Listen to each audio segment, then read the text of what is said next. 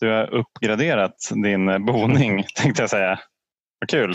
Ja, jag har blivit insläppt i sovrummet. Ja, äntligen. Eh, Ja, så jag slipper klädkammaren. Mm. Det är ju ett, ehm, ja, det är en, det är en härlig uppgradering. Mm. Är det någon form av semesterynnest? Eller? Nej, men det är väl alla poäng jag har samlat ihop genom åren i det här förhållandet. Antar det. Casha, casha in alla coronasommaren 2020. Mm. Ja, det är fantastiskt. Nej, men ehm, det är bra. Jag har varit på jobbet idag. Sista Mm. dagen innan eh, semestern. Naturligtvis så strulade allting. Det är klart jag gjorde. Ja, ja. Men eh, jag får ta det med ro. Jag tänker jag får släppa taget om det. Faktiskt ta semester ändå. Skönt. Du då? Ja, Jag är i någon form av nedvarvningsfas känner jag. Gjorde sista arbetsdagen i fredags och eh, har officiellt påbörjat semestern. Men jag känner mig ganska trött faktiskt. Och ehm, ser fram emot en eh, semester här. Det blir skönt. Så just nu så är vi i dina gamla hoods. I Hallstahammar. Hallstahammar som får så här oproportionerligt mycket space i Alkispodden. Eh, med tanke på hur många det är som bor här. Men eh, just nu så är det, första anhalten på vår lite, lilla semester roadtrip här. Och för er som är trogna Alkispodden-lyssnare så kan jag rapportera att Johan är fortfarande 39 år. Mm. Men inte så många dagar. Så att eh, det smäller snart. The big 4-0. Ja, the big 4-0. Men eh, det är inte därför vi har samlats här idag, även fast vi sa förra avsnittet att vi skulle ägna ett helt avsnitt åt Johans 40-årsfirande. Ja, Så, så, har, så har vi mycket roligare grejer att prata om. ja, mycket och, roligare och, grejer. och, mycket roligare människor att prata med. Det var lite taskigt sagt. Men vi har en gäst idag. Ja, det har vi. Mm. Superspännande. Ja. Vem Vi, som säger hej, ja, vi säger hej till... Saga Larsson. Hej Saga. Hej Sara. Hej. Hej, vad kul att få vara här. Tack så jättemycket. Ja, tack själv för att du ställer upp. Du, jag, funderar lite grann på var befinner du dig nu? Det ser ut som du sitter liksom utomhus. Ja, nej, men det är en liten glasveranda. Jag är hos mina föräldrar eh, på Ah. landet i Gnesta. Eh, vi är här ganska mycket eftersom vi har eh, köpt en hund tillsammans, jag och mina föräldrar och min syster. Så vi, hela familjen uppfostrar då vår gemensamma son, eh, vilket leder till ja, olika typer av dramer i, i vardagen. Ja, Det är väldigt jag. härligt. Ja. Det förstår jag. Hur gammal är den här hunden nu? Eh, vad kan han vara nu? 17 veckor? Någonting sånt. Mm. Så det börjar bli lite mer hund än bara liksom en liten... Eh, han är liksom mer hund, mindre marsvin. Så. Men eh, det, är, ja, det är mycket att hantera. Att Mm. liksom typ 3,5 kilo kan sti, styra fem vuxna personers liv är absurt. Men så är det. Ja. Det, det är ändå 700 gram per, per person.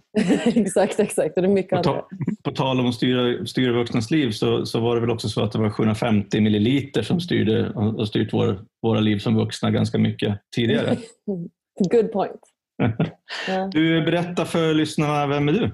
Eh, ja, men jag eh, heter Saga och jag är 27 år. Bor på Södermalm i Stockholm. Uppvuxen i Danderyd. Jag eh, jobbar som manusförfattare och redaktör. Ja, skriver och massa olika grejer. Poesi och, och ja, men som sagt manus till teater och film och tv, prosa. Det är min grej. Musik skriver jag också. Vad mer? Jag tycker alltid det är så svårt hur man ska liksom sammanfatta sig själv. Jag är 18 månader nykter idag. Oh. Ah, grattis. Tack så Grattis. jättemycket. Stort. Det känns som en... Ja, det är helt ofattbart faktiskt. Aldrig varit nykter så länge sedan, sedan jag drack första gången. Nej. Nej. Så det känns väldigt häftigt. Spännande. Hörru du, varför, varför var du tvungen att bli nykter då? Eh, Ja, för att jag är alkoholist. Fan, äntligen! Grattis. Ja. Tack, tack, tack. Änt- tack. Äntligen någon som får rätt på den frågan. Nej. Ja, men vad, vad fint. Men kan, berätta lite grann om, du får väl göra vilka, vilka nes, säga. vilka nedslag som helst i, i din eh, alkoholistkarriär. Kan vi berätta lite grann så att vi får en bild av vem, vem du var förut? Ja, men det ska sägas att jag har börjat i AA nu för är det drygt två månader sedan. Jag har varit nykter på egen hand i drygt ja, men lite över ett år, då, ett år och några Mm. månader innan jag kom in i gemenskapen. Um, eller innan jag faktiskt började jobba i tolvstegen. Så och har fått reda på att det då kallas att vitknogare, fick jag lära mig. Att jag har liksom, ja, men jag själv liknat det vid att sitta som en liksom hungrig hund vid en matskål och bara vänta på att få börja igen. Lite så har nykterheten varit när jag har, när jag har styrt den själv, som jag har gjort innan. Mm. Så jag, är, jag kommer från en plats av att precis ha liksom klivit in i gemenskapen och precis lämnat in det första steget till min sponsor. Mm. Det ska vi prata lite mer om sen. Ja, maktlösheten. Men min karriär, gud mörkt att kalla det karriär men så, det gör vi väl här då.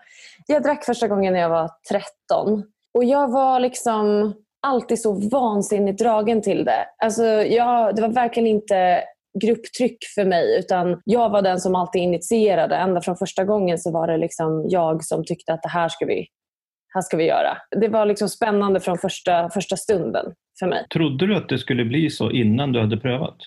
Ja, kanske. Alltså jag hade liksom... Jag tror att jag hade så här låtsats druckit alkohol, vet, druckit vatten och låtsats att det varit alkohol. Alltid från film och från musik och tv och så hade jag alltid varit extremt fascinerad av alkohol. Så jag tror att, att det var inte för att jag smakade det utan den liksom, kärleken fanns på plats redan innan. på något. Men när jag väl började dricka och liksom sno, eftersom jag kommer från liksom ett övre medelklasshem och, och liksom område så fanns det mycket alkohol att sno. Eh, så vi gjorde de här häxorna och jag, jag älskade allt kring ritualen, kring att sno, kring att gömma, mm. eh, planera när vi skulle få dricka det, hur skulle vi komma undan. Allt sånt var en enorm spänningsfaktor för mig. Så jag, ja, redan från början var jag, älskade jag allting runt omkring det. Kan du komma ihåg det? Så här, vad var det du älskade egentligen? Vad, vad, var det, vad var det för känsla som du var ute efter? Jag kände mig nog nykär. Alltså det var typ av pirr. Och jag minns det här liksom, att ha en hemlighet också var en stor del av det. Att veta att den här häxan ligger i det här skogsbrynet och vi ska dit mm. sen. Allting blev ett äventyr runt det.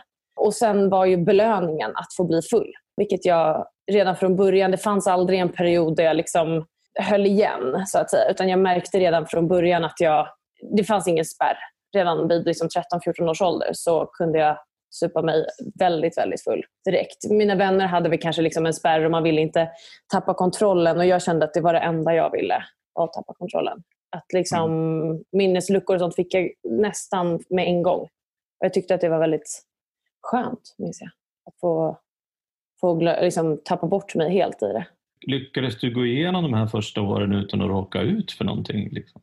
Alltså, ja, alltså, det är klart jag råkade ut för saker men men med tanke på hur illa, liksom, hur mycket jag drack så borde det säkert varit värre. Men det är klart en del liksom, olyckor och dumheter som har hänt, absolut. Men, mm. men inte, absolut inte i skala till vad som skulle kunna ha hänt. Liksom reflekterade du över, över de här alltså, minnesluckorna och dumheter och olyckor liksom, när du var tonåring? Jag tror så här i efterhand så kan jag nog jämföra det med liksom med hur de brukar prata om seriemördare, inga likheter i övrigt. Men att man liksom gör någonting lite fel för att bli påkommen. Och jag längtade efter att bli påkommen tror jag också. Jag längtade efter att bli sedd i hur dåligt jag mådde. Men jag var ändå ganska bra på att dölja det. Men jag, så jag tror att för mig så skrämde det inte mig att det blev konsekvenser och jobbigt. För jag längtade någonstans efter att typ bli omhändertagen i det tror jag. Att det här blev ett sånt, sånt eh, som håller upp en stor skylt och säger, skrika att jag mår dåligt. Liksom. Jag längtade efter att någon skulle, skulle ta hand om det tror jag. Hur mådde du då? Piss. Fruktansvärt mådde jag. jag menar, det är inte unikt. Alltså jag tänker att 14-15 där någonstans är ju alltså, generellt väl de sämsta åren i livet. Mm. Eh, det, det, det, det, är väl inte många som längtar tillbaka kanske? Nej, nej exakt. Så jag vet inte om det var liksom... Nej men det var absolut jättejobbigt. Och jag hade jag kämpade med ätstörningar och sådana grejer. Och, och liksom att, ja, jag var mobbad i skolan och så. Så att få dricka på helgerna var liksom ett sätt att få komma bort från allt det där. Och jag, så jag uppskattade alkoholen väldigt, väldigt mycket under den perioden i mitt liv. Då tyckte jag att det, liksom, det var innan jag ens började tänka i termer om att ha problem såklart. För att jag var liksom 14, 15, 16. Då var det liksom bara ett, eh, ett bedövningsmedel. Liksom. Ett bedövningsmedel som funkade? Funkade ju toppen, verkligen. Mm.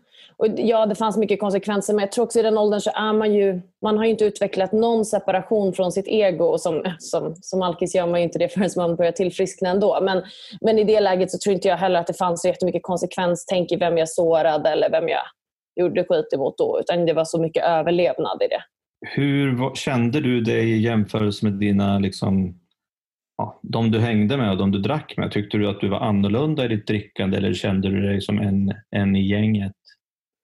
Nej men det gjorde jag. Det där var en ganska märklig kontrast just eftersom jag har hört många som har beskrivit att alla andra gjorde det så jag gjorde det också. Men så var det verkligen inte. Det var jag som faciliterade, det var jag som bestämde. Och I alla fall de vänner jag hade när jag liksom var 13-14, mina närmsta vänner, då ryggade undan och tyckte det var ganska obehagligt att jag var så dragen till det. Och Jag minns också att det var några vänners föräldrar som inte ville att de skulle umgås med mig.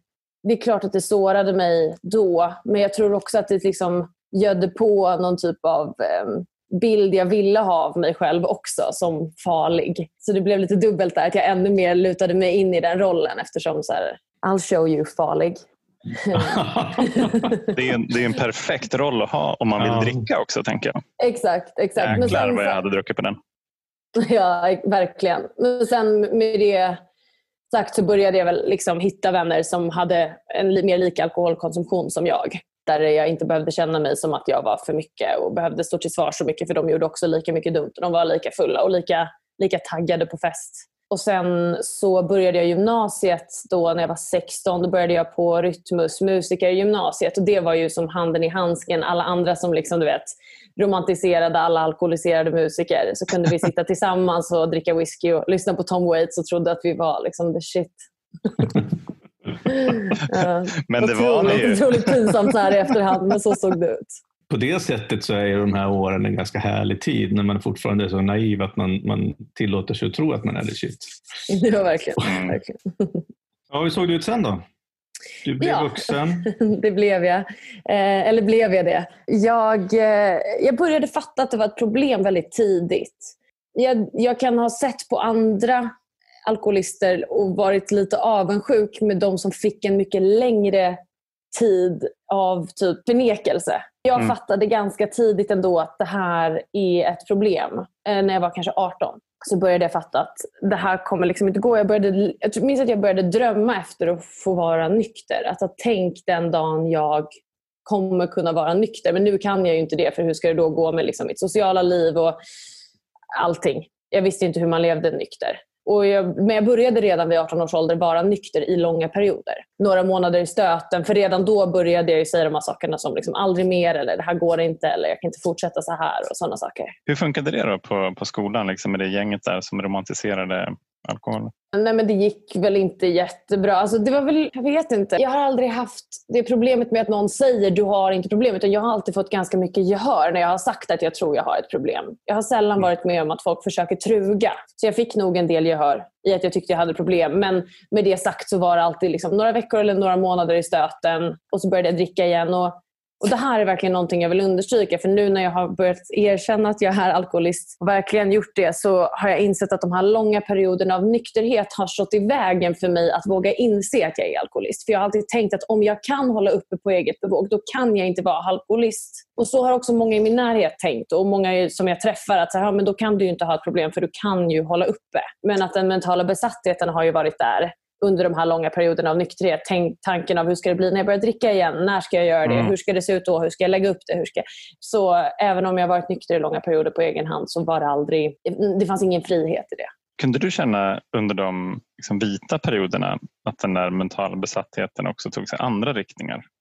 Ja, gud. Ja, verkligen. Jag, eh, då skulle jag alltid... Jag har en kompis som jag har börjat nu i gemenskapen. Vi gick in liksom i gemenskapen ganska mycket samtidigt. En, en gammal vän till mig. Och Vi sa båda det, att så här, vi båda gick in med inställningen att okej, nu gör vi det här. När ska vi bli snygga, smala och framgångsrika? Mm. Att man, liksom, man lägger över bara på något helt annat.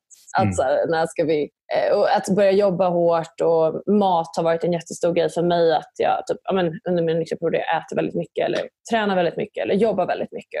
Absolut, det har bara tagit sig andra former. Jag kan känna igen det där. Jag hade ju fem vita år där jag inte hade något program. Är det sant? Mm. Mm. Det var ju skitjobbigt. Ah. Men, eh, men då, då skapade jag en berättelse för mig själv som var att så här, jag behöver fokusera på skolan. Så liksom, hela den mentala besattheten gick ju till betyg och att få eh, så betyg och bekräftelse kan man säga. Med liksom ett, ett alkoholistiskt driv eh, så kan man ju lägga ganska många timmar på det där. Verkligen. Så att i slutändan så blev det ju förvisso väldigt bra betyg men inte så mycket njutning under, eh, under så här, liksom åldrarna 20 till 25. Nej. Så att, eh, precis, jag känner verkligen igen det där. Så här, det var ju verkligen ingen frihet ändå, även fast jag inte drack. Nej, för känslan, grundkänslan har ju alltid varit en avsaknad av tillit till mig själv också. Att om jag inte tuktar mig själv hårt i form av träning eller en diet eller hårt arbete eller några liksom, sådana mål Mm. så kommer jag att trilla dit. Att, att det är ju ett, ja, men just tuktande är väl ett ord jag skulle säga att det har gjort mig själv. Man liksom Mm. piskar sig själv igenom vardagen. Det känns ju väldigt lutherskt på något sätt. Mm, verkligen. verkligen. När du kom upp då eh, ja, men i 18-årsåldern där och, och du hade de här eh, uppehållen. Hur var det med din, din önskan det här med att liksom förlora kontroll?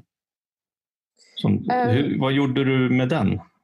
jag gav mig själv mycket in i drama. Liksom relationsdrama och sådana saker. Att överlägga min kontroll i ett kärleksförhållande eller någon jag dejtar. Att skapa det.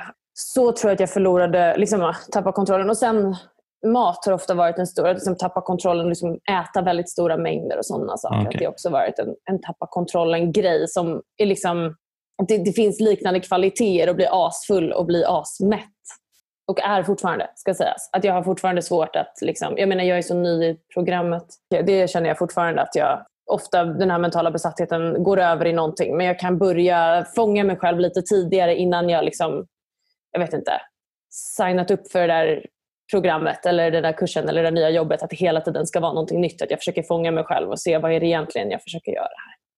Det där är jävligt spännande tycker jag för att eh, ja, jag pratade om här för några avsnitt sen liksom att jag eh, att jag ville alltid vara någon annanstans. Jag tänkte att det fanns alltid, det borde finnas någon annanstans där jag är mer värd. Gud vad Där intressant jag, att du där jag säger kan det. få liksom allt det jag vill ha. Alla pengar och alla, all bekräftelse och alla kvinnor och män och allt vad man vill ha liksom, och, och inte ha några bekymmer. Jag hittade aldrig den där platsen. Nej, inte jag heller. Jag, jag flyttade till Berlin när jag var 19 och sen flyttade jag till London när jag var 20. Så jag hoppade också runt och tänkte att så här, men det, bara, det behövs bara något lite annorlunda i det här sammanhanget. Mm. Jag behöver träffa andra människor, jag behöver en annan stad, jag behöver ett annat språk, jag behöver en annan utbildning, en annan karriär. En annan. Alltså, jag har också gjort det där jätte, jättemycket. Um, vilket också som jag börjar vakna inför nu. Alltså, jag har ju varit nykter i liksom, ja, som sagt ett och ett halvt år men innan jag började programmet så var det också, hade jag varit nykter ett år. Men när jag väl började i programmet så var det som om jag, vak- det var som om jag vaknade från en till fylla. Alltså att Mm. faktiskt se beteendet. För bara för att jag slutade dricka så slutade jag inte bete mig som en alkoholist. Och att vakna upp inför det har liksom varit som att vakna upp från en riktigt, riktigt dålig fylla och säga åh gud, jag har sagt det här och jag har gjort det här och jag har använt de här människorna för min egen skull. Och alla de här sakerna, är, det sker nästan på daglig basis att man kan forma sköljningarna av liksom, oj, det här har jag Mm. gjort utifrån mitt ego och mina karaktärsdefekter. Innan vi går in på det, hur såg, hur såg det ut då? Så, här, så du, du drack liksom sista gången när det var typ 25, 26? 25, 25 Ja. ja. Hur såg det ut liksom perioden innan då? Där? Det blev väldigt, väldigt mörkt. Jag hade nämligen 2017 då jag var 24 så hade jag varit nykter i 10 månader, vilket var det längsta jag hade varit nykter någonsin. Mm. Och Sen började jag dricka igen. Och Då var det som att efter den långa nykterheten så blev det verkligen som att det, perioden av drickande igen som pågick väl ja, men drygt ett halvår blev liksom, det eskalerade väldigt fort. Från att jag började gå ut och ta liksom, några glas vin på krogen igen med mina kompisar till att jag du vet, drack på morgonen och tog Ritalin för att försöka balansera upp mitt jobb och mitt förhållande och allt som hände i mitt liv. Så det, gick, det eskalerade väldigt fort sista gången. Mm. Ja, min dåvarande flickvän var med om ett dödsfall i familjen och jag minns att jag, jag visste inte hur jag skulle hantera det förutom att bli riktigt, riktigt full. Så jag, jag minns att där kunde jag verkligen se det utifrån. Jag ser, jag, titta jag kan inte hantera det här utan alkohol, alla de här känslorna, all den här sorgen. Och ändå gjorde jag det. Jag ville verkligen inte, men jag visste inget annat sätt att, att balansera det på. För jag stod inte ut. Och det blev väldigt tydligt för mig då. Och Så ja, i januari då, 2019, när jag var 25, så, ehm, så slutade jag dricka. Och första tiden var Ja, men det var helt fruktansvärt. Det var verkligen, jag var så förvirrad och visste inte vad jag skulle ta vägen med allting. Och, eh, jag önskar verkligen att jag hade insett då att jag hade behövt programmet för att min, ja, min dåvarande flickvän behövde ju ta enormt stort ansvar i min tidiga nykterhet. Den gången, kände du då att så här, ja, men nu är det verkligen sista gången jag dricker? Så här, nu, nu får det vara nog. Var, var det som att det var, var det annorlunda då jämfört med de tidigare gångerna som du hade varit nykter? Ja, det var lite annorlunda. för att eh, Jag har haft, och jag tror att många har väl haft den typen av fyllor som man vaknar och bara har gjort så jävla mycket dumma saker och man har tappat bort allt man äger och man har verkligen gjort helt fruktansvärda saker och så vaknar man och säger nu ska jag aldrig dricka igen. Men den här gången, och kanske varför det blev lite annorlunda, var att det här var inte i affekt direkt. Utan jag, jag minns att vi hade väl haft någon middag några dagar tidigare och så hade jag en flaska vin hemma. Och Jag såg den och jag tänkte att det där är den sista flaska vin jag dricker. Så jag korkade upp den och så satte jag mig och verkligen drack och antecknade. Liksom, det, blev som en, så här, det blev som att göra slut. Det är väldigt mm. dramatiskt, men, men sån, sån är jag. Så jag satt och skrev ner liksom, hur det kändes, min historia med alkohol, vad har det här betytt för mig? För att någonstans blir det så tydligt när man sitter, bara jag och en flaska vin, liksom, inga andra människor, inget annat, så blir det så avskalat och så tydligt att så här, det, här, det här går inte. Och det här är, jag vill inte ha det här. Och det, är inte värt, alltså, inte värt att kasta bort så mycket av, min, liksom, av mitt liv för att, för att få göra det här. Liksom, dricka något surt. Liksom. Har du kvar eh, det som du skrev? Ja, det har jag. Har du läst det på den senaste tiden? Ja, det har jag. Det, har ja. jag. det, är ju, alltså, det är ganska Alltså jag var ju aspackad eh, när jag skrev det. Ja. så det är ju inte, det är liksom inte det mest stilistiska. Så. Har det verkshöjd? det, det, har verkligen ingen verkshöjd. Det är katastrof. Jag har inte renskrivit eller någonting. Det är bara, bara som, precis som där. Ja. Men alltså det, det måste ju ändå vara jag ska inte säga skönt, men alltså, bra att ha kvar det där och, och kunna, kunna titta på det. Jag har ju berättat att att jag efter jag blev nykter hittade på en gammal mobiltelefon som, som jag skulle låna ut eller ge bort till någon kompis i, i programmet. Så när jag rensade den så såg jag att det fanns såna videos på mig som min dotter hade spelat in när jag var full. Och då hade jag varit nykter kanske ett år eller ett och ett halvt eller något sånt där när jag såg det där. Och jag kommer ihåg att jag tror att jag i, liksom, i ren skam och panik bara liksom rå deletade allt det där ifrån telefonen utan att, utan att ens titta på det för att jag tyckte det var så jävla jobbigt och jag vågade liksom inte jag vågade inte se på det där då, även när jag hade varit nykter ett tag. För att eh, Jag vet inte varför.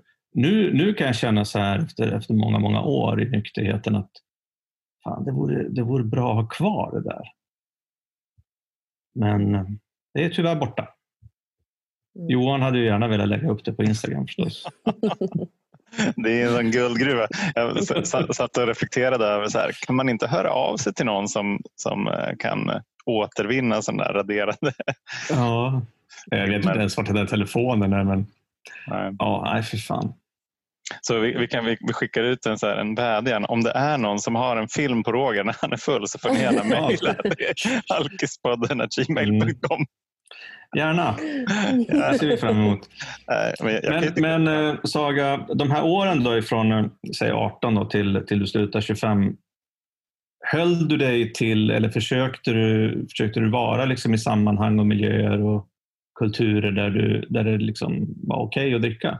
Ja, absolut. Jag, eh, jag tror inte, alltså, man flyttar inte till Berlin som 19-åring om man inte är sugen på att supa och, ja, andra saker. massa andra grejer. Exakt, exakt. Att det, absolut att jag, jag skapade ju mig ju ett liv kring att festa. Sen började jag på universitet i England som ju är verkligen en alkoholdränkt kultur. Precis, och det ska också tilläggas att jag som queer person, där finns ju också ett lager av att, att de trygga rummen och de rummen som man ses i som hbtq-person är barer och klubbar liksom, det är vår historia som, som hbtq-personer eh, redan från, från liksom, jag menar Stonewall eh, är en bar. Mm, eh, det säger ganska mycket om liksom vad, vad som har varit våra, våra, ja, våra platser att ses på. så det finns absolut ett lager av, av det, att, att här, träffa tjejer. Eh, när jag väl började inse att det var det jag ville göra. Så, så var, det var ja, men barer och, och klubbar som, som fanns tillgängligt att, att göra det. Så absolut, men jag har ja, verkligen designat ett liv där jag, där jag fått dricka. Under de här vita perioderna då, var, kände du att du kunde vara ute ändå på barer? Ja, jag kände, alltid, jag kände ofta ett behov av att överkompensera för att visa att jag inte var tråkig. Så jag stod liksom mm. ändå på borden och dansade. Och, ja, men du vet, har väl liksom hållit i nycklar med kokain åt andra för att jag vill vara en så härlig nykter mm. tjej. Mm. Liksom, vilket har varit helt fruktansvärt så här i efterhand kan jag se. Men jag har varit så mån om att, eftersom det varit en sån identitetsmarkör för mig, fest och mm. alkohol och droger, så var det jättesvårt att skiljas från det. Så då tänkte jag att jag skulle kunna balansera det på något sätt. Att fortfarande vara den tjejen, men bara vara nykter. Men där har jag ju verkligen ja, lurat mig själv och också så här, fråntagit mig själv all chans till någon typ av liksom, sinnesro. Hur såg ditt liv ut i övrigt då? Liksom, lyckades du prestera, sköta dig? Ja, det gjorde jag och jag tror att eh, min ålder har väl kanske med det att göra. Att jag liksom inte hunnit jag vet inte, bryta ner mitt system så under så många år med alkohol, även om det ska sägas att jag började tidigt. Så jag tror för att väga upp för det så har jag alltid liksom högsta betyg i skolan och liksom gjort karriär. Och, ja, men som sagt, jag gick ut med högsta betyg från min bachelor i, i England och jag lyckades liksom hela tiden hålla uppe det. Och, och men jag, jag, kände också att det, ju mer vuxen jag blev, desto svårare blev det här att och, och, kombinera. Jag minns när jag hade fått mitt första jobb som manusförfattare och jag skulle in på ett pitchmöte och jag satt på bussen från Slussen och jag var tvungen att kräkas i den här liksom papperskorgen. Klockan är liksom, ni vet, så här, 9, 10 på morgonen en tisdag. Och jag var det bara åksjuk då eller? exakt, exakt, exakt. Ja, nej men, och där någonstans så började det här var 2018 precis. Och då började jag verkligen känna att så här, hur fan ska jag ha det? Jag kommer inte kunna få både och. Liksom. Mm. Jag kommer inte kunna ha det jobbet jag vill ha och göra de saker jag vill göra och dricka på det här sättet. Det må, ja. Vilket fortfarande fascinerar mig för det finns ju många i min bransch, liksom film och tv-branschen och kulturvärlden överhuvudtaget som på något sätt verk, verkar kunna balansera det här. Men jag kände verkligen att så här, jag, jag kan inte. Funderade du någon gång att liksom stanna kvar på den mörka sidan? Ja, och jag skulle ljuga om jag sa att jag inte tänker på det ibland. Att ge upp. Liksom, att, för någonstans, eh, jag har växt upp och har så inneboende ett sånt duktig flicka-komplex. Motgiftet till det har ju varit alkohol och droger. Då har jag sluppit vara en duktig flicka. Då har jag bara kunnat gå in i någon typ av total rage och inte behöva vara allt det där.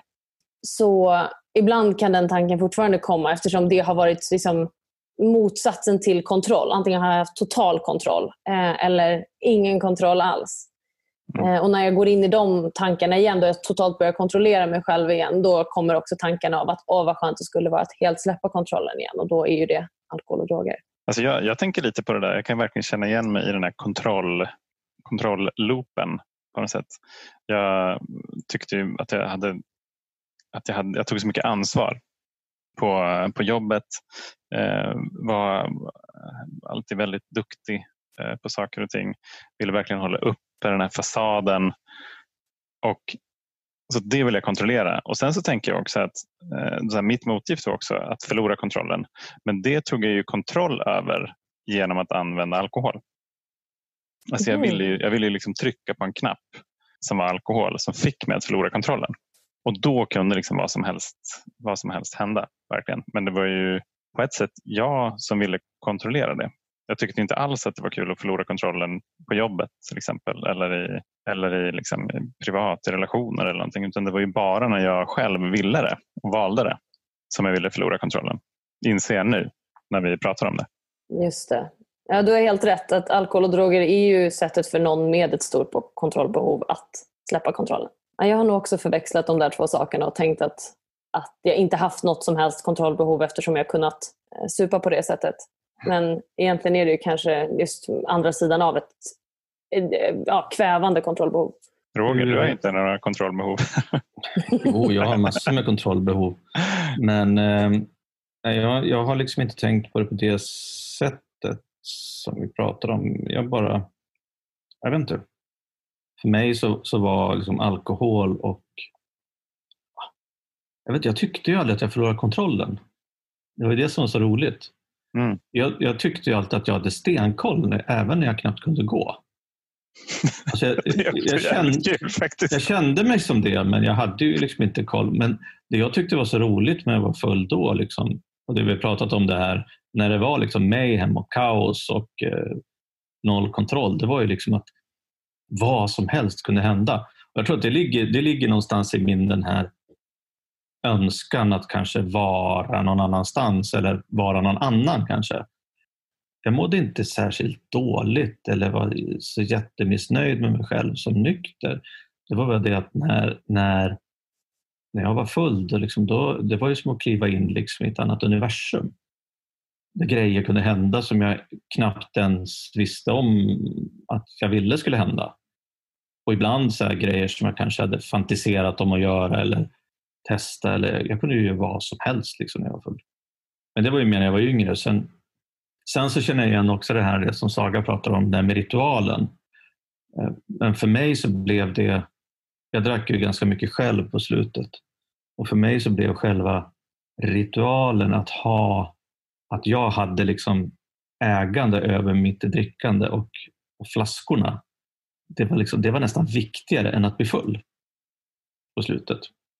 Att jag kunde få bestämma när jag skulle dricka och hur mycket jag skulle dricka.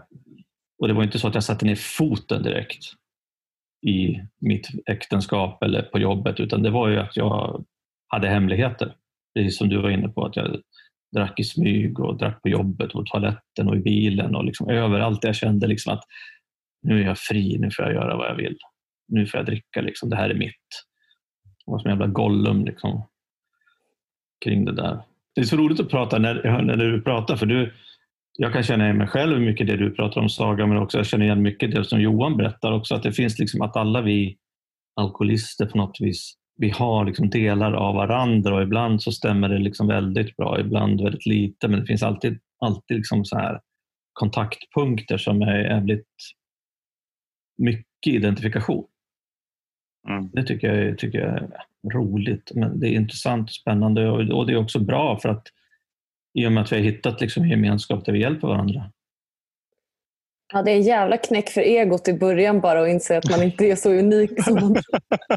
Och där skulle jag säga att jag verkligen är i mitt tillfrisknande. Att jag kan tycka att det är väldigt obehagligt när de saker som jag har trott varit min personlighet visar sig vara eh, karaktärsdefekter och liksom att det är en del av alkoholism. Och, och man ser att det finns så många som har precis den typen av personlighet inom Ja. citationstecken. Det är en knäck för en, en narcissist som jag. Vad kan det vara till exempel som du har hittat? Ja, men dels det här liksom, dubbelheten, det här liksom, kontrollbehovet men också liksom, högpresterande på många sätt men också liksom, totalt redo att fucka ur. Jag har liksom tänkt att det varit min USP. som är väldigt vanlig. Jag, jag har ju skrivit på mitt CV. Liksom. Och, eh, ja, men det finns ju jättemycket saker, men också den här eh, grejen av att å ena sidan se sig själv som bäst i världen men också tycka att man verkligen borde förintas. Liksom. Mm. Den här extrema dubbelheten i självbild Mm. eh, har jag också trott är eh, något unikt för mig. För jag har aldrig fått ihop det. För det pratas ju bara i binära termer ofta inom, inom psykiatrin. Liksom så här, gott självförtroende eller dåligt självförtroende. Eller god självkänsla eller dålig självkänsla och sådana saker. Men att, att de extremerna kan finnas samtidigt fick mig också känna mig mindre unik. Eh, ja, men det finns, eh, finns en massa, massa sådana såna grejer som nu kan jag mer och mer för varje möte jag går på och för ju mer igenkänning jag hör desto mer kan jag typ släppa ja, men det är som att släppa en till sten. Att så här, ja, men det här som jag trodde var jag var inte jag heller. Och inte det här Mm. heller och inte det här heller. Och det är enormt befriande att inse att man hade fel. Alltså. Hur känns det att, att bli av med sin, sin personlighet då? Jag finner väldigt mycket stöd i liksom, Gud och spiritualitet kring det. För att någonstans, eller det är där någonstans jag hittar något att luta mig mot. Att så här, men om jag inte är någonting av det här, vad är jag då? Jo, men jag är i alla fall Guds barn. um, att, eh, men det har varit såklart men jättesvårt också. Typ, just eftersom jag har varit extremt identifierad med, inte bara med alkohol, men med, med karaktärsdefekter till hur jag liksom ser ut och klär mig. Jag har liksom alltid sett ut som den personen man ska gå fram och fråga om droger. Liksom. Mm. Jag har liksom designat hela mitt liv utifrån det här. Så det är klart att det är jättesvårt. Jag vet inte vad jag ska ha på mig nu till exempel. Nu är det corona så det är tur så jag behöver inte tänka på det. Men sen... Ja, fan. Hur, hur klär man sig som en nykter alkoholist? det är ganska bra. Det skulle kunna bli en hel serie med så här outfit of, of the day. Liksom, så mm, ja, verkligen. Yeah. Ja. Mm. Det finns ju, finns ju några schabloner som man ganska snabbt kunde, skulle kunna rassla fram när jag ser på möten. Men jag tänkte på det där, för jag, jag, jag, ehm, jag kan känna igen mig i den där känslan för jag tänkte också att, att jag, när jag började jobba i Stegen och började förstå det här med karaktärsdefekter, att jag, ja, jag, jag kände mig liksom tom.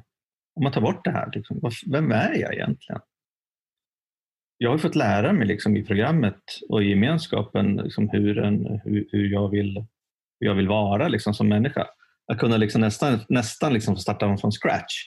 Inte riktigt, men, men, men att, att jag också fått lära mig att jag kan välja lite mer eh, vem jag vill vara. Alltså som, som person, in, inte, inte det yttre utan mer, mer inuti. Mm. Jag tycker det är fint du pratar om det där att, att liksom, ja, men se sig själv som Guds barn. Det är, en, eh, liksom, det är en, för mig i början av min nykterhet hade det varit en jävligt extrem liksom, syn på saken.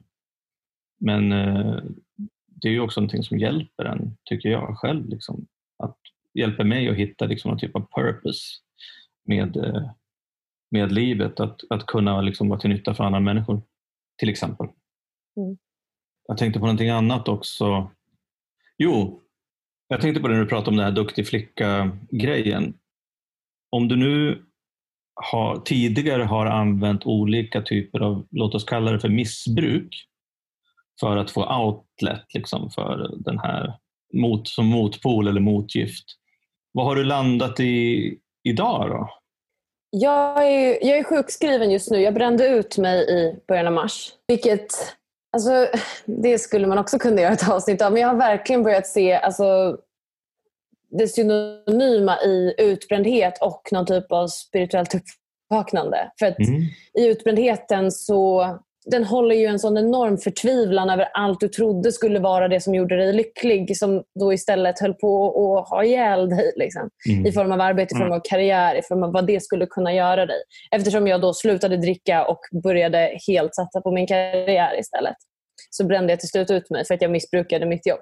Så det var där, det som hände, det var det som slutligen ledde till att jag tog mig in i gemenskapen. För att det var liksom det sista jag hade. Det hände en enorm fragmentering av mitt ego där och då. Det, här var i, det var i slutet av januari som det började verkligen falla isär. Och jag, jag orkade inte jobba mer. Jag fick liksom, du vet, ont i kroppen när telefonen ringde. Jag började gråta i var verkligen väldigt, väldigt emotionell och hade verkligen bränt ut mig. Och jag minns att det hände någon typ av uppluckring av allting som var jag då. För jag hade ju varit en duktig flicka och jag hade ju varit en som kunde göra karriär och göra alla de här sakerna. Och nu kunde jag inte ens längre ta mig ur sängen och öppna min mail. Så vem var jag då? Och Det var en enorm sorg och en enorm förvirring. Men i där så öppnades liksom någon typ av glipa i att vänta, det finns en separation mellan det som jag egentligen är och den personen som utför ett arbete och den personen som gör karriär och den personen som dricker. Det är samma person. Alltså så, den, den mm. konstruktionen som är jag. Och när det föll isär så det tog mig ett tag. Eh, jag minns att dagen efter, jag hade haft den här fruktansvärda liksom, ja, sammanbrottet. Och dagen efter så satte jag mig på ett tåg till Göteborg för att gå på möten på Göteborgs filmfestival. Jag liksom hade inte kunnat släppa det än. Mm. Men till slut så sjukskrev jag mig och jag tror att jag just nu är på en plats där jag låter de bitarna som föll isär få ligga lite. Eh, för som du sa Roger innan, att, att hela tiden försöka skapa sig en ny plats eller hitta en ny stad eller en ny partner eller ett nytt jobb som ska vara den platsen där man blir lycklig. Jag kan känna tendenser till att vilja göra det nu också, att bygga ihop mitt liv igen och kanske ska börja dejta igen eller börja jobba igen och börja alla de här sakerna. Men försöker att låta saker bero för att det inte ska bli att jag bygger ihop allting i affekt. För att jag är så rädd för att jag inte blir någonting. För det jag inser mer och mer i allt det här, att jag bor hos mina föräldrar, alla sådana saker, att titta allt jag var försvann och jag är fortfarande någon. Wow, vilken insikt. Ja, fan vad fint. Oerhört fint.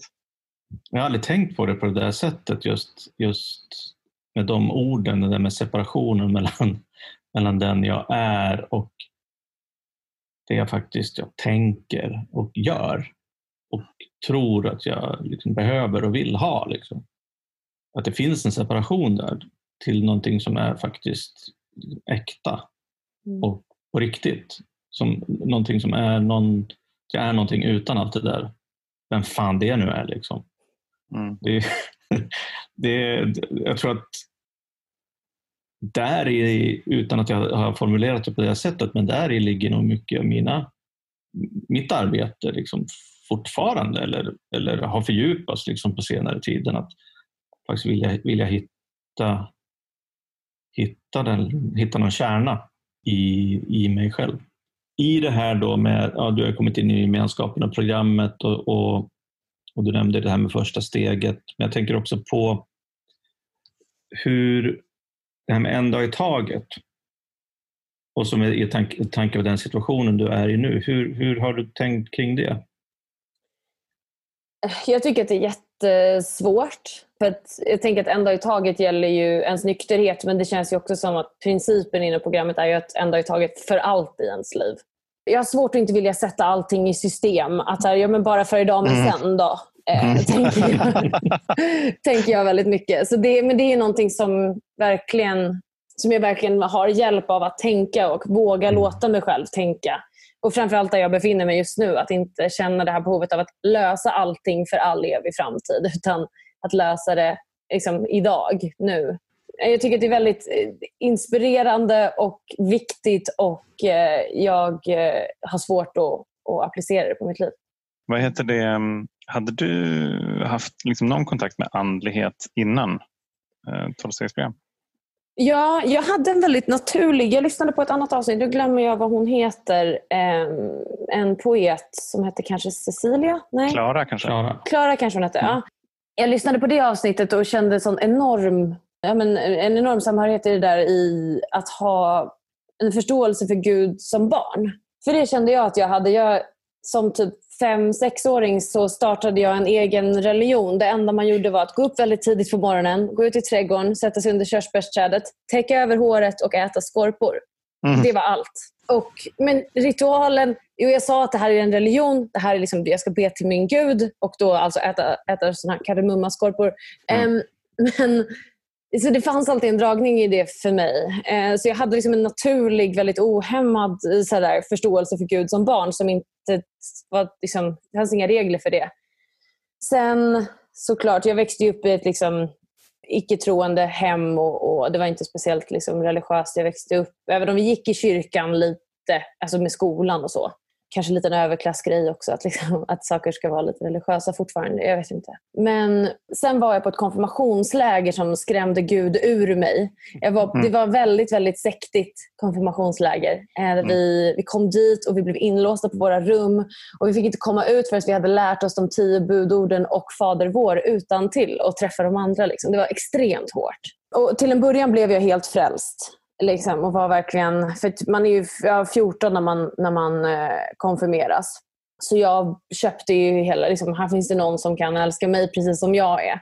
Och Det var väl precis i samband med att jag hade börjat dricka ordentligt och alla sådana saker och fick komma bort, var nykter i tre veckor på en ö i skärgården och bara vara med liksom, folk som sa att Gud älskar mig. Så det var ju toppen. Men jag hade inte så mycket, när jag kom hem så, så fanns det inte så mycket att bära upp det längre. Det fanns ingen gemenskap kvar, det fanns ingenting sånt. Så då föll jag väl tillbaka till att ha alkohol som min gud istället. Men sen har jag alltid haft liksom, ja, någon typ av tro, men jag har aldrig riktigt vågat dyka ner i det speciellt mycket förrän i början av, av i år, då det verkligen blev oundvikligt på något sätt. För att jag tror att den separationen jag pratade om, om liksom, vad är jag? Jag har fått höra någon i AA säga det, att Gud är den som tittar ut ur dina ögon. Att någonstans så var det väl det som hände, att när jag inte var någonting av det jag trodde jag skulle vara längre, så blir man ju, då är det bara Gud kvar. Vad häftigt, men kunde du liksom, vad, vad fint att du kunde få stöd i det till dig själv, tänker jag, av de väldigt tidiga upplevelserna. För det där kan ju annars vara för, för många vara liksom någonting som är, det känns lite svårt i tolvstegsprogram, just att det är andligt. Ja, och jag har haft perioder då jag tyckte det varit jättesvårt. Eh, första gången jag kom in i ett, ett AA-möte eh, så minns jag att jag ryggade jättemycket tillbaka till. Då var jag, jag bodde i England och jag minns att jag kom in dit. Jag, men jag hade ju såklart hört talas om AA, för det har ju de allra flesta. Men jag, jag höll liksom på att tända av från liksom en dålig tripp på E och var så här, jag behöver hjälp. Hittade ett möte, liksom, ramlade in där och bara svettas E och vodka. Eh, och så kommer liksom fram någon och bara “God loves you” och jag bara “Åh nej, alltså nej, nej, nej, han gör inte det”. så jag hade verkligen motstånd till gudsbegreppet i gemenskapen till att börja med. För när jag var som Mm. djupast i mitt missbruk så hade jag ingen plats för Gud. Det var annorlunda nu den här gången. Ja, det var annorlunda den här gången. Jätteannorlunda. För jag gick på mitt första möte för det är fyra år sedan. Jag var 22, jag skulle fylla 23. Ehm, och det var, så har jag liksom in och ut sådär, gått på några möten ibland men det har mest varit liksom performativt. Det har mest varit att visa upp att jag är nykter. Alltså det har varit under de perioder jag redan har varit liksom, vitknogat mig genom nykterheten så har jag dykt upp på möten för att säga titta jag är nykter. Jag har inte gett mig hän i programmet alls. Eh, Medan nu var det som att efter det som hände i början av året, då, mitt sammanbrott, så ehm, att komma tillbaka i gemenskapen var som att någon hade liksom tagit bort, någon dragit undan några gardiner. Det var som jag såg det verkligen. Att men titta det här.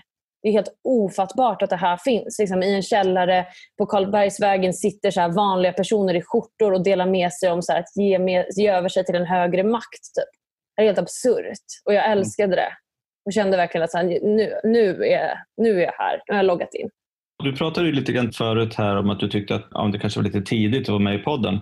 Eh, du kom ju, hade ju också ett briljant förslag att eh, vi kör det här snacket nu när du precis då har gjort ditt första steg och, och sen så checkar vi in igen när du har gjort stegen en gång. Mm. Här, vad det nu kan ta, eller om några månader eller något år eller något sånt där och se liksom hur, hur, hur du har det då om du är kvar i programmet. Det vet man ju aldrig i och för sig. Och det, det tyckte både jag och Johan var en alldeles lysande eh, tanke. Du kan väl berätta lite grann om, om, din, eh, ja, men om ditt, ditt stegarbete då? Och liksom var, vart du, du har precis lämnat över första steget säger du. Hur, hur, känner du inför det? Nej, men jag kände mig redo att lämna över när jag gjorde. Jag, eh, jo, men jag eh, ville bara säga en sak om det här med sponsor. För jag tänker att vissa som Ja. lyssnar kanske... Jag hade i alla fall den tanken av att jag skulle hitta den perfekta sponsorn för mig. Mm. Eh, och det, här kanske, att liksom, det här måste vara en person som är liksom bättre än mig på alla sätt. Så för annars, hur ska jag kunna se upp till den här personen? Ja, det är ju en helt unik tanke. Ja. Åh, jag får inte vara unik i någonting. Mm. Eh, ja, men så jag tänkte också det. Mm, mm, jag som alkoholist tänkte det. Ja. Men så tänkte jag till slut att vad fan. Så tog jag en tjej som jag tyckte var snygg. Men det visade sig ju vara liksom men det, just, just det i att försöka att liksom bara ta någon, bara börja stegarbetet. För det, jag, jag Mm. sköt på det ganska länge. Men sen så är det väldigt roligt, för jag vet inte om det är en regel att sponsorn liksom inte får fråga sponsin. Men det var som att jag var tvungen att liksom fråga chans på henne. Det blev jätte, det var jätteroligt. Vi satt liksom bredvid varandra i en soffa och jag bara, men skulle du kanske vilja bli min sponsor? Det var väldigt, det var väldigt gulligt. Men nu visar det ju sig att jag har ju valt den perfekta sponsorn. För det känns som att hon ligger ett steg före mig hela tiden. Och det gör hon ju alltså rent stegmässigt men också bara i tankarna. Hon, är, ja, hon vet, så- som att hon vet vad som kommer hända härnäst. Så det hon gjorde, för jag hade jag tampades ganska mycket med eh, maktlöshetsbegreppet. Som Mm. kontrollfreak så hade jag liksom, ja, men jag ville bara, jag ville bara liksom, eh, diskutera mig fram till någon typ av mellanväg. Men jag kan ju visst kontrollera. Alltså, ja, jag, hade väldigt, jag lämnade in eh, maktlöshetslistan först en gång och där hade jag bara skrivit eh, alkohol och vädret. Mm. De sakerna du maklas över. ja, allting Ja, annat det- kan jag kontrollera. Det är, det är en ganska bra början på en lista i alla fall, tänker jag. Ja.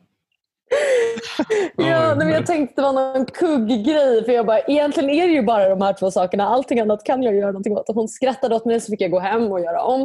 Och, eh, ja, och Sen skickade hon mig då på DAA som är Drug Addicts Anonymous som ju har en typ av mer läsningscirkel. Eh, där de också förklarar sjukdomsbegreppet.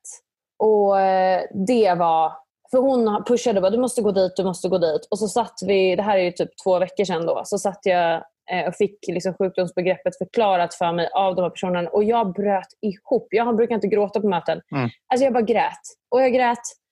Och jag ringde henne efter. Och hon var så här, bra då är vi klara med steg ett. Och jag bara, du visste det hela tiden! Uh, så det var, det var verkligen häftigt. Vad var det som hände? Det var just i det att jag har känt mig som en, som att jag ljuger eller luras i och med att jag har kunnat vara nykter under långa perioder själv och jag har inte, det har aldrig gått speciellt långt och jag är bara 27 och du vet alla de sakerna mm. har jag tänkt att jag, är, jag, jag, borde inte ta upp den här platsen här i de här rummen. Eh, men så var det då en person som, som hade liksom ett föredrag då om, om sjukdomsbegreppet som förklarade just att han hade varit nykter i fyra år på egen hand och han liksom pratade just om de sakerna. Att så här, jag försökte och liksom, med karriär, jag satte upp en lista på alla de sakerna jag ska göra nu istället för att bli lycklig. Alla de här sakerna. Precis på samma sätt som jag har gjort. Och Han beskrev när han står i en skidbacke och liksom, allt är liksom perfekt. Han är nykter, han har liksom ett jobb som gör att han har råd att åka på det här. Hans fru, hans barn är i skidbacken. Och så ser han en person som sitter och dricker en öl och han vill bara döda den här personen. Och där typ brast det. Och jag, bara, och jag fattar exakt vad han mm. menar. Att det här, den här uh, idén om att, att man ska kunna bygga upp någonting som ska vara allting. Som ska vara ersättningen för alkoholen. Liksom. Och just eftersom jag insåg att precis så mitt liv sett ut och han är ju här och då måste jag ju få vara här. Det var väldigt fint. Känner du igen dig i, eller skriver under på att ditt liv eh, är eller var ohanterligt också? Ja, det gör jag. För att jag förstått liksom, alla de områdena som det var ohanterligt på liksom, är också kopplat till att jag är alkoholist. Så mm. kunde jag förstå det. Ja, men för, att, för jag har ju liksom hela tiden jag bara, men jag har ju varit nykter. Jag har ju varit nykter. Jag var på min sponsor sa, men du har ju lidit. Har det varit mm. kul? Jag bara, nej det har inte alls varit kul. Och då förstod jag verkligen att, att äh, jag, jag, får vara här. För det här imposter syndrome tror jag kanske många har. Framförallt yngre personer att komma in i de här rummen och därför kände jag också att vi är jätteglada att få vara med här. För att, mm. att visa på att, att uh, man kan alltid gå på ett möte. Liksom. Man kan alltid pröva. Och som de säger, det finns ju i PAA, som är Young People in AA, Eh, och där de säger att du hade ju inte varit här om du inte hade haft lite problem i alla fall. Men jag, jag funderar på en annan grej också. Jag menar, du var nykter eh, ett drygt år då nu senast innan du kom in i programmet.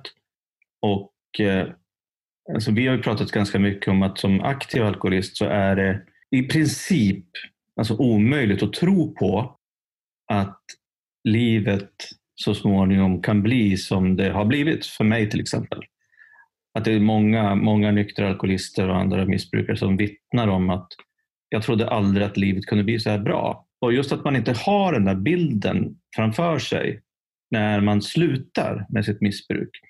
Vilket gör att ja, jag måste sluta för att det här, jag kan inte hantera det här eller för att annars dör jag. Men jag köper att nu är, nu kommer liv, nu är livet slut fast det kommer vara tråkigt liksom resten av livet. Hade, du någon bild över att ditt liv, alltså jag tänker framförallt på innan du slutade under det här året, tänkte du att ja, det får väl vara så här då? Ja, jag, jag, tror att eftersom jag var liksom ung vuxen så tänkte jag att det är väl bara så här att vara vuxen. Alltså, det är väl bara helt värdelöst. Ja, ja. ja men det är ganska, en bra gissning ändå.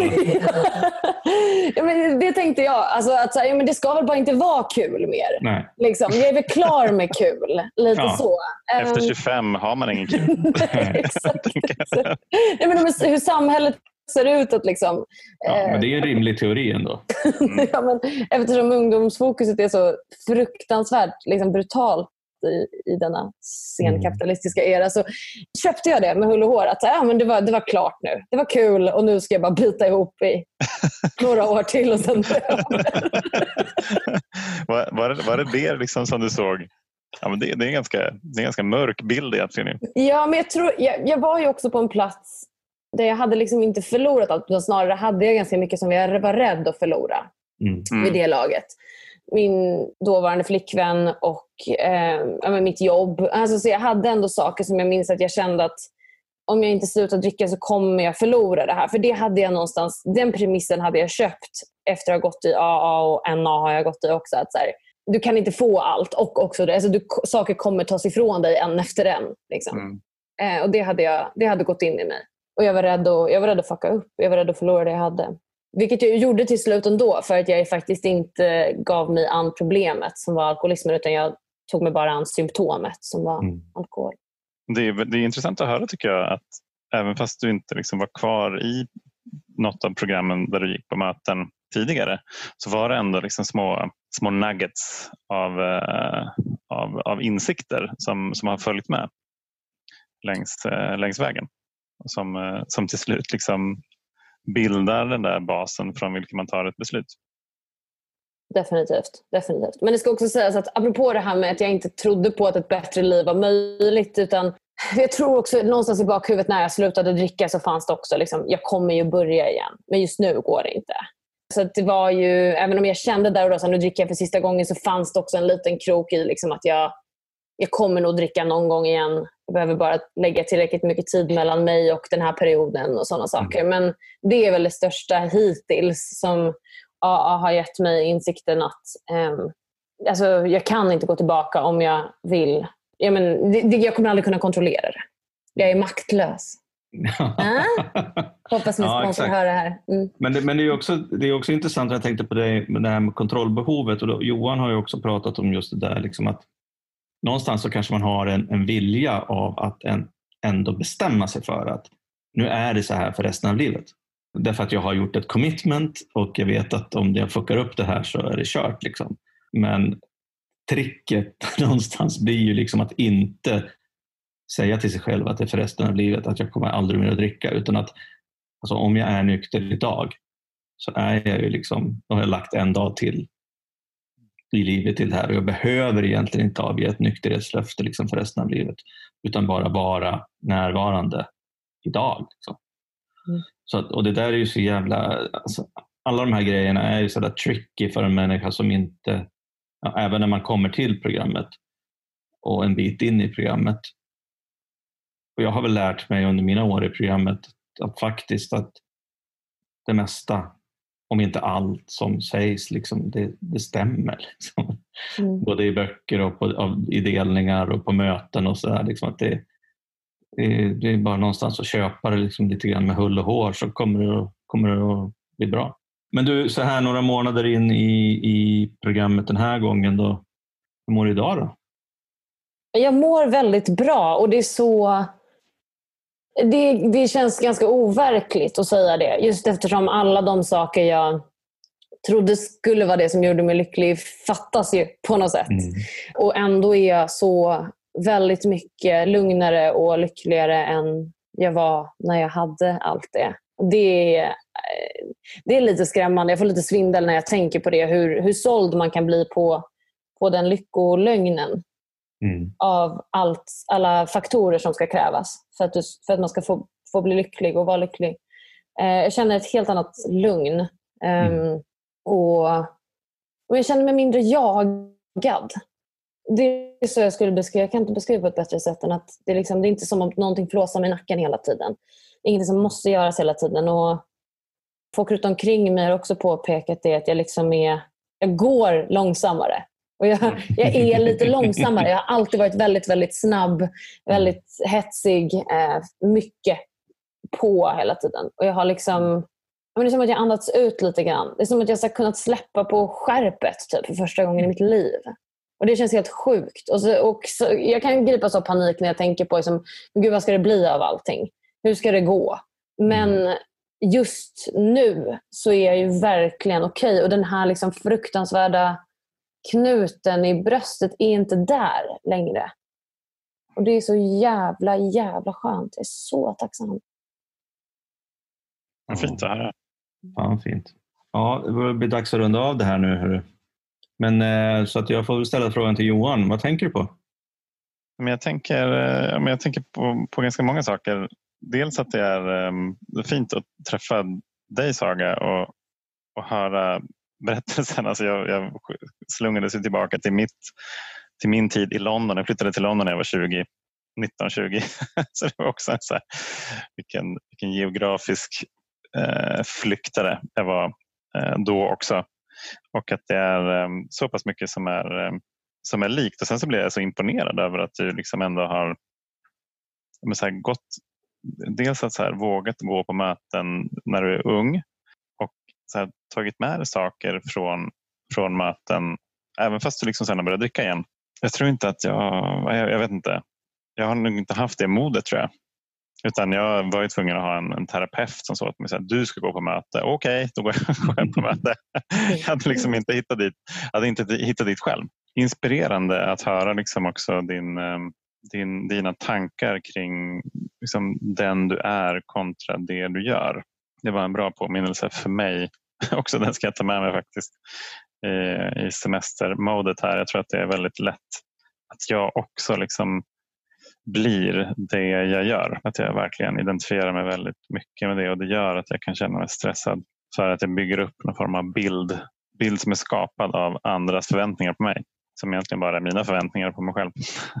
att det var många viktiga påminnelser för min del och sen så blir jag så extremt nyfiken på när vi eh, hörs nästa gång och allt jag har lärt dig då.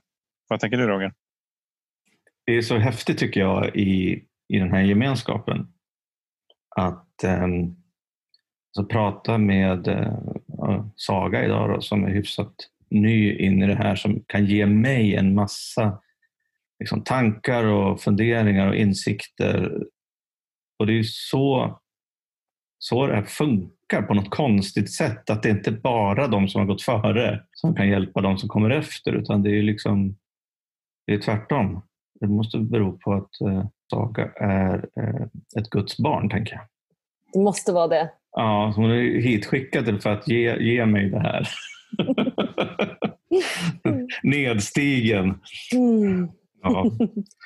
Nej, men, eh, nej, men det är ju spännande. Alltså, det är jävligt fascinerande att lyssna på din story som, som liksom, där, där alkoholen och missbruket och liksom högg tag i dig så där tidigt. Så, så kraftigt, så tidigt. Liksom att, och att du ja, höll på då i ungefär 10-12 år, något sånt där, i det där. Och insåg redan efter liksom par, tre, fyra år att det här är inte riktigt bra.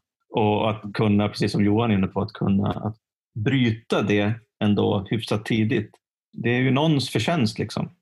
Sen om det är din eller om det är någon, någon högre makt eller vem det nu var som spelade in den här, det, det är häftigt. Jag tror att vi alla vet att det är en högre makt. och sen så är det så här också att jag är glad att du, att du ställde upp. Du och jag träffades på ett möte här för någon, någon månad sedan kanske. Och jag, när jag hörde dig prata så tyckte jag direkt att det här lät ju jättespännande. så att eh, vi pratade då och nu, nu, har du varit, nu har du varit med här. Ja. Första gången. Första gången. Ja. Ett av två eller tre eller fyra eller hur många det nu kan bli. Precis, vi får väl se. Ja, ja. verkligen. det har varit jätte, jättefint att få vara med. Jag tänkte, jag grävde fram en text som jag skrev efter mitt allra första AA-möte i England då, när jag var 22. Mm. Tänkte om jag fick läsa en liten bit av det bara. Ja! Ja, ja, ja. Det kunde vara kul. Mm. Um, att, eller kul och kul är väl att ta i. Men, um, nej, men för jag, jag plockade fram det och det var bara så här, ja, det är verkligen fint att läsa. Det är en ett längre brev jag skrev till mig själv. Eh, det är på engelska, men jag tänker att moderna män jag kan ta det på engelska. Ja, men då har jag pratat i alla fall om det här mötet. och Det, mm, det är i en, en förort till London i en kyrkolik byggnad som jag har varit på det här mötet. Då. Och sen så, det här är då när, de, när jag går därifrån så handlar det här om Four of them waved me off at the doorstep and the night is dark now. I walk down the road and I don't know if I'm lying. How can I ever know what is true because I've always been lying? Or has it all been the truth? I keep searching for truth because I'm thirsty, so thirsty for something that's more real than toxic mouths on mine and time that turns into antimatter, which leaves my past one big fog that I constantly hope to be able to leave behind. Maybe I'm not different, but I want to be. Now I want to cry because my soul aches and I feel alone. I can't call mom. I don't want to need anyone. I don't want to drink to make someone take care of me. I want to be an adult. And if I am to be someone's girlfriend, I want them to want me, to desire me, not just to have the desire to save me. Maybe I need to be saved, but I think I'm saving myself now. Maybe I am an alcoholic, maybe not. I still think I'll come back because if this isn't the truth, I don't know what is. Mm, jag hade rätt. Vad fint. Ja. Ja, men ganska mörkt och ganska desperat redan då. Det får man säga. Ja, det får man säga. får man säga att det var. Ja, absolut. Det är också en av de grejerna som, som ja, både av egen erfarenhet och liksom med samtal med många, att det tar ju sån jävla tid att grinda igenom den här processen. Från att alkoholen funkar till att den inte funkar och sen att man ska försöka inse och sen att man ska göra någonting åt det och sen att man verkligen gör någonting åt det. Det är varv efter varv efter varv efter varv och förnekelsen är ju där nästan hela tiden. Ja, och också för unga alkoholister tänker jag att våga sluta trots att alkoholen fortfarande funkar. Det är ett, ett enormt leap of faith man måste ta. Att lämna Ja. någonting som, kanske inte alltid, men som ofta fortfarande funkar. Vad tar du med dig Saga? Gud, jag är så tacksam för att prata med er. Jag, eh, jag, men, jag tar som alltid med mig den här känslan av gemenskap, att få prata med andra alkoholister. Det är verkligen någonting annat. Alltså. Eh, ja, det har varit jättefint. Jag eh, tar också med mig påminnelsen om en dag i taget. Jag behöver alltid den. Det tar jag med mig och bara den här liksom, värmen och eh, förståelsen att ni, ni har ett sätt att lyssna utan att försöka skapa liksom, shock value från ens, eh, ens eh, förflutna, vilket är ovanligt med folk som gör content och det är väldigt fint och väldigt varmt. Jag uppskattar det. Tack. Härligt. Tack. Ja, Roger. Vad ska vi göra nu då? Ja, Johan, nu ska vi fan ta semester. Ja, det ska vi faktiskt göra. För första gången i Alkispoddens historia Ja, så ska vi ta lite semester. det ska vi. Så vi försvinner ifrån eh, etern i några veckor. Kommer Mm. tillbaka i augusti någon gång. Ja. Vi hoppas att de 102 avsnitt som ändå finns där ute räcker till för er som känner saknad under sommaren. Så kommer vi igen med ny kraft här snart. Det gör vi. Och, eh, vi, vi kollar i mejlen lite sporadiskt här under sommaren så om ni vill höra av er så går det bra till eh, Ja, gör det. gmail.com. Självklart. Det vill vi gärna göra. Eller Facebook och, och Instagram såklart. Men kanske lite, lite långsammare på att svara. det har varit en superspännande vår kan vi säga. Eh, vi tog ju beslutet att, att liksom växla upp från varannan vecka till varje vecka igen. Mm. eh, i, eh, mitt under den eh, värst blåsande coronastormen. Och det har varit väldigt fint tycker jag. Mm. Jag är Ja. glad att vi gjorde och det är eh, så fint att det är så många som har hört av sig och eh, liksom uppskattar det.